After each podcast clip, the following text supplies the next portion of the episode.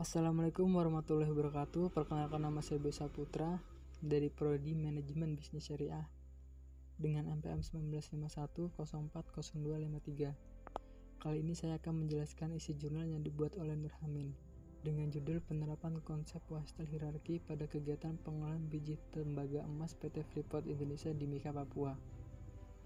Sebelum itu kita harus mengetahui pengertian dari limbah. Limbah adalah hasil sisa suatu proses produksi yang tidak bernilai ekonomis. Pengertian limbah menurut Kamus Besar Bahasa Indonesia atau KBBI adalah benda yang tidak bernilai dan tidak berharga atau sisa proses produksi. Sedangkan menurut Peraturan Pemerintah Nomor 101 Tahun 2016 mengartikan bahwa limbah adalah sisa suatu usaha atau kegiatan. Limbah berbeda dengan sampah. Sampah cenderung dianggap sebagai sisa hasil buangan yang banyak dijumpai pada kegiatan rumah tangga sedangkan limbah adalah sisa hasil buangan dari kegiatan industri. Jadi limbah adalah sisa suatu buangan industri yang dihasilkan oleh kelompok atau individu yang tidak bernilai ekonomis, sehingga perlu pengolahan khusus saat proses pembuangannya. Limbah berdasarkan bentuknya dibagi menjadi empat, yaitu yang pertama limbah cair, yang kedua limbah padat, yang ketiga limbah gas, yang keempat limbah B3, bahan berbahaya dan beracun. Yang kedua, konsep pengolahan limbah sesuai dengan Western hierarchy. Apa, apakah konsep pengolahan limbah sesuai dengan Western hierarchy itu?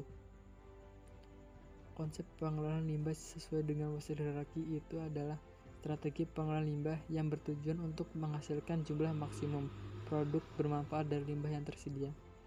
Western hierarchy banyak digunakan oleh pemerintah, industri, pendidik, dan kelompok lingkungan sebagai prinsip panduan untuk kebijakan program pengolahan limbah untuk limbah yang dihasilkan oleh PT Freeport Indonesia yaitu limbah cair, limbah padat, limbah B3.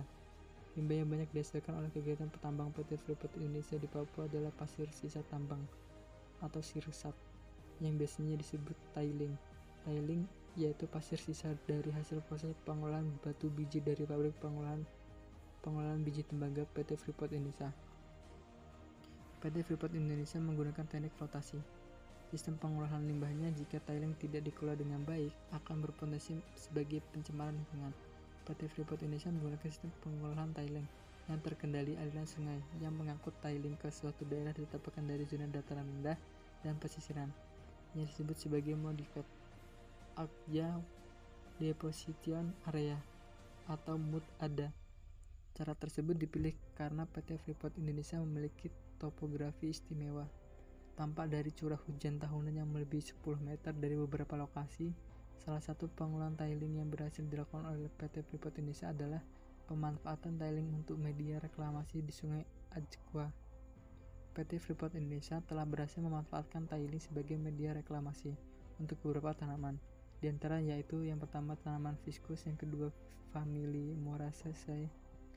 Jenis tanaman yang banyak dijumpai di area sukesi alami lahan tiling. Selain itu, PT Freeport Indonesia telah berhasil melakukan penanaman vegetasi peritis, yaitu rumput yang merupakan spesies asli dari daerah tersebut. Tanaman palawija dan tanaman pangan misalnya melon, nanas, pisang. Komposisi tiling umumnya serupa dengan batuan atau tanah yang ada di rona awal.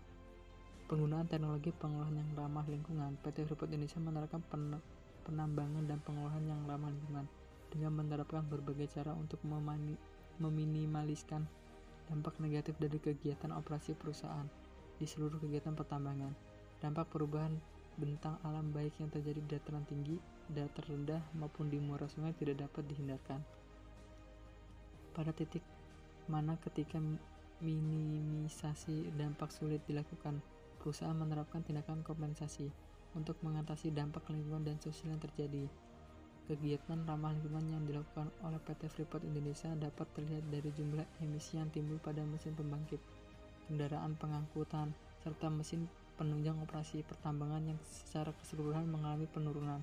Komponen utama dari emisi langsung berkaitan dengan peralatan pertambangan, kendaraan pengangkutan, mesin dan ruangan penyimpanan, serta mesin pendingin dalam fasilitas pemukiman, pelabuhan, dan bandara.